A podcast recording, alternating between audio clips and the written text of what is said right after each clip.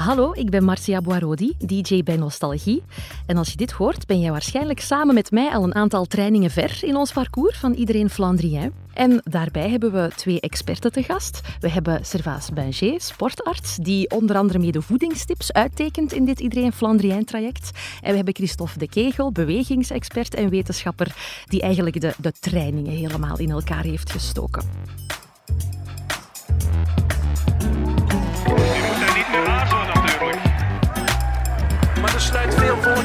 Valt stil. De grote drieën zijn niet kunnen wegrijden van de rest. Dit is je kansland. Ewan, Van der Poel, Schachman, Alaphilippe, Greg van Avermaat. En Stuiven zit erbij. Nu wordt het interessant. In deze tweede podcast nemen we je mee in de tien geboden die je best in het achterhoofd houdt tijdens je Iedereen Flandrien-training. Bij mij, Servaas Dag Marcia. en Christophe. Goedemiddag. Waarom is het eigenlijk belangrijk dat we die tien geboden volgen? Waarom zijn die nodig? Ik denk, het geeft een beetje houvast eh, om af en toe terug te grijpen. Eh, soms verliezen we ons een beetje in de waan van de dag. Of eh, als we een slechte dag hebben en we hebben een zware training, oh, zien we er een beetje tegenop. Of omgekeerd, als we ons net goed voelen en we mogen maar een uurtje trainen, hebben we zoiets van, allee, mag ik niet meer doen. Dus daarom geven we graag nog eens een kleine houvast onder de vorm van tien geboden. Eigenlijk is, zijn onze tien geboden vanuit ons eh, domein een beetje een bundeling van vaak gestelde vragen die wij krijgen van, eh, van sporters. Ehm, en met deze tien geboden, zoals Servaas daarnet al aanhaalde, denken we een goede structuur, goede houvast eh, te geven, inderdaad. Ik ben benieuwd. Het eerste gebod, ken jezelf. Kopieer niet de training van iemand anders, maar volg in eerste instantie het gevoel van uw eigen lichaam.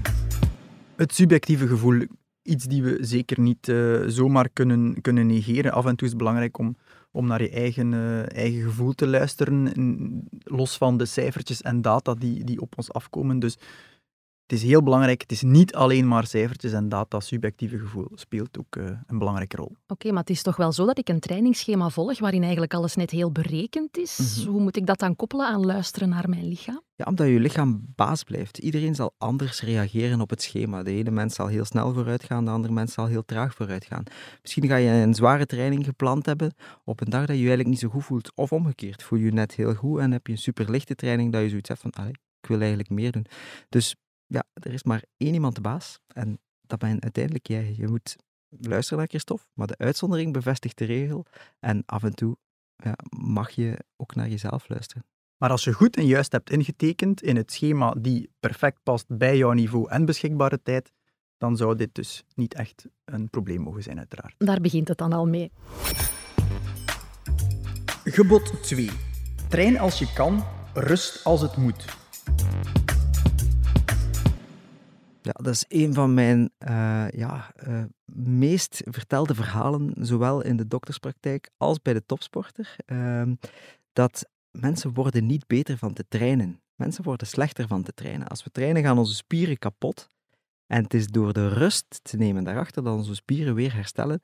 En beter herstellen dan ze ervoor waren. Dat is, in wetenschappelijke termen noemen we dat het principe van de supercompensatie. Dus je wordt niet beter van te trainen, maar je wordt beter van de rust na de training. En hoeveel rust pak ik dan eigenlijk best na zo'n training? Dat is een zeer goede vraag. Als je de prikkels juist geeft, niet te vroeg en niet te laat, dan kom je dus positief uit na een aantal weken in het traject.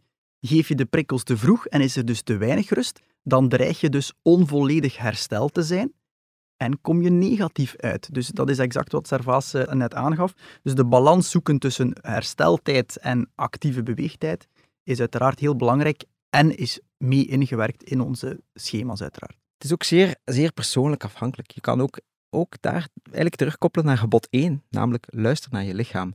Dan ga je merken dat je van een lichte duurtraining van anderhalf uur eigenlijk de volgende dag al vrij goed hersteld bent. Maar als er een paar krachtblokken in een training zitten, dat je misschien een dag of twee daarna toch nog die spanning op je benen gaat voelen. Dus eh, ja, luister heel hard naar jezelf ook daar. Gebod nummer 3.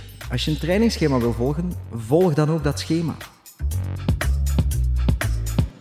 Neem afstand van alle andere datapunten, zoals snelheid, want veel van die data zijn eigenlijk niet zo relevant. Het gaat eigenlijk alleen maar om jouw schema, jouw data en jouw vooruitgang. Maar dat is toch net de helft van het plezier dat je kan stoeven met je resultaten op Strava en, en consorten? Dat is toch een deel van de motivatie, of niet? Het grote gevaar van de social media en de vergelijkingspunten. We hebben voor iedereen een individueel traject uitgetekend, op basis van niveau en beschikbare tijd. Dus het is ook heel belangrijk dat iedereen zich aan dat individuele traject uh, blijft houden, uiteraard. Uiteraard is er niets mis met het delen binnen de community, maar blijf wel binnen je eigen traject, zou ik zeggen. Gebod nummer 4. Een goede training bestaat uit een proloog waarin je opwarmt en opbouwt, een kerngedeelte waarin je je eigenlijke training uitvoert en een cool-down gedeelte waarin je je spieren aan het einde van de rit opnieuw wat ontspant. Ze zeggen altijd als het vriest buiten en je start met je auto, dat je niet onmiddellijk te hard mag gaan rijden, dat die motor een beetje moet opwarmen. Eigenlijk is ons hart, onze eigen motor, is een beetje hetzelfde verhaal. Laat dat even een beetje op ralenti komen, laat dat een beetje toeren maken en zet hem dan een keer in het rood. Hetzelfde eigenlijk voor de, voor de cool-down. Als we de laatste 10, 15 minuutjes van onze training heel rustig gaan uitfietsen, dan gaan we eigenlijk al heel veel afvalstoffen en heel veel uh, ja, doorbloeding gaan we verbeteren, waardoor dat we de volgende dag veel makkelijker hersteld zullen zijn en veel minder spierpijn zullen hebben. Hoe kan ik eigenlijk het hele proces van, van opwarmen en dan de hoofdmoot en dan de cooldown verenigen met een heel druk werkschema? Want dat lijkt dan alsof je eigenlijk je volledige training toch wel aan de lange kant wordt. Het staat allemaal perfect in jouw app, uh, want we voorzien de opwarming en we voorzien de cooling down ook in de minuten uh, die in jouw training staan. Het vijfde gebod Train nooit met een overvolle maag. Zorg dat je maaltijdmoment genoeg vooraf uh, plaatsvindt. Want we hebben allemaal maar een bepaalde hoeveelheid bloed in ons lichaam. En op het moment dat wij gaan sporten, moet dat bloed eigenlijk een beetje herverdeeld worden. Richting, vooral richting ons hart en ons werkende spieren. En kan er dus wat minder richting maag en darmen, het moment dat die echt nog vol zitten en een beetje overbelast zijn uh, met het verteringsproces, ja, dan komen we in een conflict situatie die vaak tot misselijkheid leidt. Je herinnert u misschien de tip van oma? Die zei van als je gaat zwemmen, uh, als je gegeten hebt, moet je twee uur wachten om te gaan zwemmen. Ja. Eigenlijk is de vijfde gebod is eigenlijk deze tip. Eh, de volle twee uur echt? Ik dacht dat het dan ging over een half uurtje Nee, nee het gaat echt om twee uur. Je moet rekenen eer dat het, de voeding echt uit de maag is. Ja. Uh, en uh, dan eigenlijk in de dunne darm. Plus, wat willen we? We willen, als we ontbijten, willen we natuurlijk ook dat die voedingsstoffen al een stukje opgenomen zijn. Dat die suikers al in ons bloed zitten. Dus we moeten ook die opname een beetje tijd geven. Dus twee uur is eigenlijk zelfs een minimum. Ja, en als we het over tijd hebben, dan denk ik dat het belangrijk is hoe intensiever de geplande training die eraan komt, hoe langer de tijd uh, voor de maaltijd moet gaan zijn. Een rustige rit, dan kan je nog net iets dichter die maaltijd plannen, maar bij intensieve prikkels blijft er uh, toch ja, minstens twee uur en dan zou ik zeggen zelfs drie uur vanaf. Ik heb vaak gehoord dat trainen voor het ontbijt, dat dat ook goed zou zijn. Hoe zit dat, trainen op een lege maag? Ja, wat die trainingen zitten ook in het schema. Hè. Van tijd tot tijd doen we een nuchtere training. En dat is natuurlijk omdat we dan vooral de vetreserves willen aanspreken. Uh, dan ja, moet je natuurlijk niet eten daarvoor. Uh, die training heeft een ander doel. Hè. Als we eten voor een training, wil zeggen dat het een vrij intensieve training zal zijn, waarbij dat we ook wat suikers en extra energie gaan nodig hebben. Dus die moet opgenomen zijn. Voor een nuchtere training willen we net die energietank zo leeg mogelijk. Dus dat doen we dan best voor onze eerste maaltijd van de dag.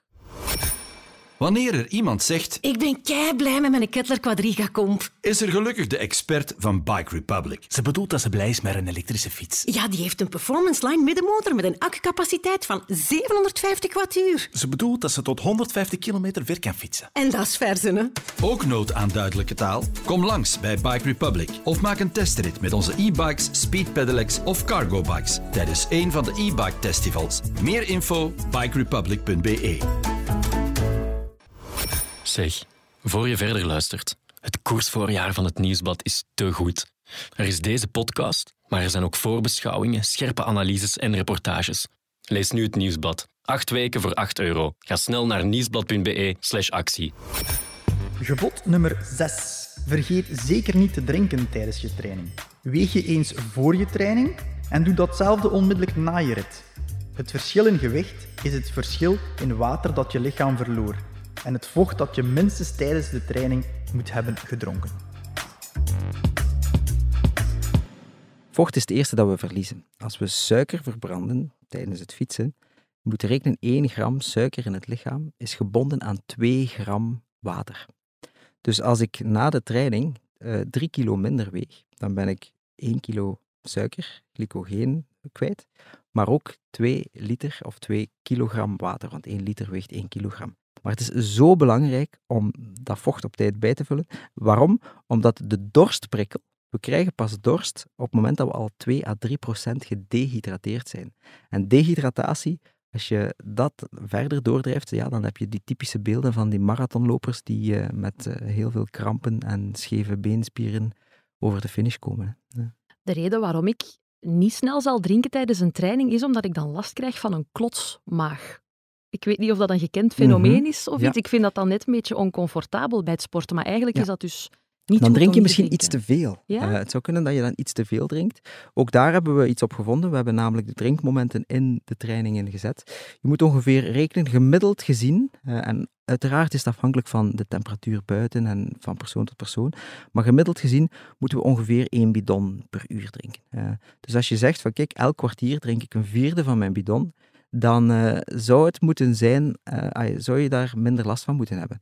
Als je zegt van kijk, ik drink eh, om de 15 minuten een kwart bidon, dan kan het een beetje klutsen omdat het de hoeveelheid in één keer te veel is. Dan kan je het eventueel opsplitsen om de 7,5 minuten, misschien ja, een, achtste van een bidon. Zodanig dat het vocht ook heel goed uit je maag kan zijn. Als het in je maag blijft zitten, meestal gaat vocht niet zo heel lang in de maag zitten. Maar weet, we hebben ook gezegd dat die doorbloeding van het spijsverteringsstelsel op het moment dat we in intensieve inspanning zijn minder is. Dus ja, timen, maar probeer toch te streven naar die bidon per uur. Gebod nummer 7. Koop een hartslagmeter en liefst eentje met de borstband, omdat die nauwkeuriger meet. De data op die hartslagmeter geven aan of je op de juiste manier aan het trainen bent en vooral in de juiste zone. De hartslagmeter is de basistool voor iedere Flandrien om echt te gaan meten, te gaan registreren, te gaan controleren eh, of we in de juiste respectievelijke zone aan het sporten zijn. Trainingsschema's zijn opgebouwd met twee belangrijke basispijlers, dat is volume en intensiteit. En als je die twee juist wil gaan combineren en controleren, dan is de hartslagmeter onze absolute basistool. Waarom trainen met een borstband terwijl ik iedereen zie rondlopen met een, een Fitbit of met andere coole horloges waarmee je eigenlijk ook toch je, je hartslag kan in de gaten houden? Absoluut, maar de fancy horloges zijn nog steeds niet echt helemaal in staat om de hartslag op een, ja, op een heel correcte manier te registreren. Vaak zit er nog een beetje traagheid op of zit er wat onderschatting eh, op. Dus er bestaan tegenwoordig heel flexibele borstbanden die je nog nauwelijks voelt, want dat is vaak de feedback die de mensen dan geven. Dus eh, graag toch echt de borstbandregistratie qua hartslag, omdat die een stuk directer en nauwkeuriger is. Gebod nummer 8. Zorg dat je voedsel bij hebt voor onderweg. Wie een hongerklop krijgt, krijgt dat tijdens de training nooit meer hersteld. En zal sowieso de rest van de training stevig afzien. Vandaar dat we er ook trainingen in steken, waarbij we effectief veel gaan eten. Je moet niet bang zijn. Tijdens een training zal je niet, ay, niet snel te veel gaan eten, waardoor dat je eh, gewicht bijkomt of dit of dat. Eh, als je gewicht bijkomt, is het waarschijnlijk omdat je voeding buiten de trainingen niet zo goed is. Waarom denk ik meteen bijvoorbeeld als perfecte snack bij het lopen aan een banaan of zo? Wel omdat een banaan de perfecte snack is. dus eh, je denkt niet zo verkeerd. Banaan heeft de, juiste hoeveelheid koolhydraten. Eén banaan is 30 gram koolhydraten, dus dat is eigenlijk een derde van die 90 gram per uur, zeg maar. Maar een banaan is om eh, een andere reden nog geweldig, namelijk banaan zit nog vol met eh, mineralen, met magnesium, met kalium, die eigenlijk tijdens sporten en als we heel veel vocht verliezen, ook nog interessant kunnen zijn. En voorkomen is in dat geval beter dan genezen. Eenmaal de hongerklop, de man met de hamer, spreekwoordelijke hamer daar is, dan krijg je het uiteraard niet meer opgelost tijdens die training. Gebod nummer 9. Als je in groep meerijdt, kies dan voor een peloton dat op jouw niveau fietst. Laat je nooit meedrijven of opjutten door andere rijders, want je zal daarmee één tijdens de training niet goed voelen en je zal ook een slechte training hebben. Absoluut. Blijf binnen jouw traject, blijf binnen jouw niveau. Ehm, dat is een heel belangrijke. Daar, daar, daar start ook het Iedereen Flandrien-project uiteraard mee. Ehm, ga voor je eigen trainingseffecten, je eigen intensiteitszones. We hebben alles aangereikt. De hartslagmeter die de juiste intensiteit controleert, de zones die bepaald zijn. Dus blijf ook binnen dat traject eh, en kies, kies aangepaste groepen. Laat je daar uiteraard niet toe verleiden. Maar waar kan ik dan de motivatie vinden om toch misschien dat beetje beter te doen als ik het niet vind in mensen die mij misschien net een beetje meesleuren door hun snellere tempo? Maar bij momenten kan je in je training wel een keer zo'n competitief aspectje steken. Maar uh, heel vaak zien we dat mensen dat voor 50, 60, 70 procent van hun totale trainingsvolume doen. En eigenlijk is het omgekeerd. Eigenlijk moet dat het kleinste deeltje zijn. Dus als ik ga fietsen met mijn vrienden, geloof me vrij, ik ben zelf ook wel een klein beetje competitief. Maar dat mag niet het hoofddeel van de training zijn. Dus het moet fun blijven ook. Hè. Dus je mag zeker een keer uh, af en toe elkaar een prikje proberen geven. Maar uh, probeer het niet de hoofdmoot te laten zijn. Die prikjes kunnen binnen de juiste groep. Dat is al belangrijk. Als de keuze van de, van de juiste niveaugroep er is, ja, speel dan een beetje binnen de groep. Dan zal dat soort spelen ook niet te ver afwijken van, uh, van de intensiteitszones. Als je natuurlijk al de verkeerde niveaugroep kiest qua fietsen, ja, dan, dan wordt het systematisch problematischer. Dan ga je wel echt heel de training uh, je niet goed voelen en een beetje boven het niveau zitten. Hoe komt het eigenlijk dat het in, in groepfietsen een stuk gemakkelijker gaat dan alleen? De wetten van de aerodynamica. Wanneer je in iemand zijn uh, wiel fietst, dan ga je ongeveer ja, 30% uh, ja, meer energie sparen. Dus dat voelt dus uiteraard een stuk, een stuk makkelijker aan. En in een groep, in een groep is het wel inderdaad aangewezen om een groep te kiezen ja, waar, waar een beetje tempo in zit ten opzichte, van, ten opzichte van je huidige tempo, zodanig dat je daar wat snelheidsaspect uh, ervaart. Dus Marcia, als je in het wiel zit van iemand die 40% beter fietst dan jou, dan ga je eigenlijk nog altijd 10% boven je eigen limieten gaan. Hou daar ook rekening mee.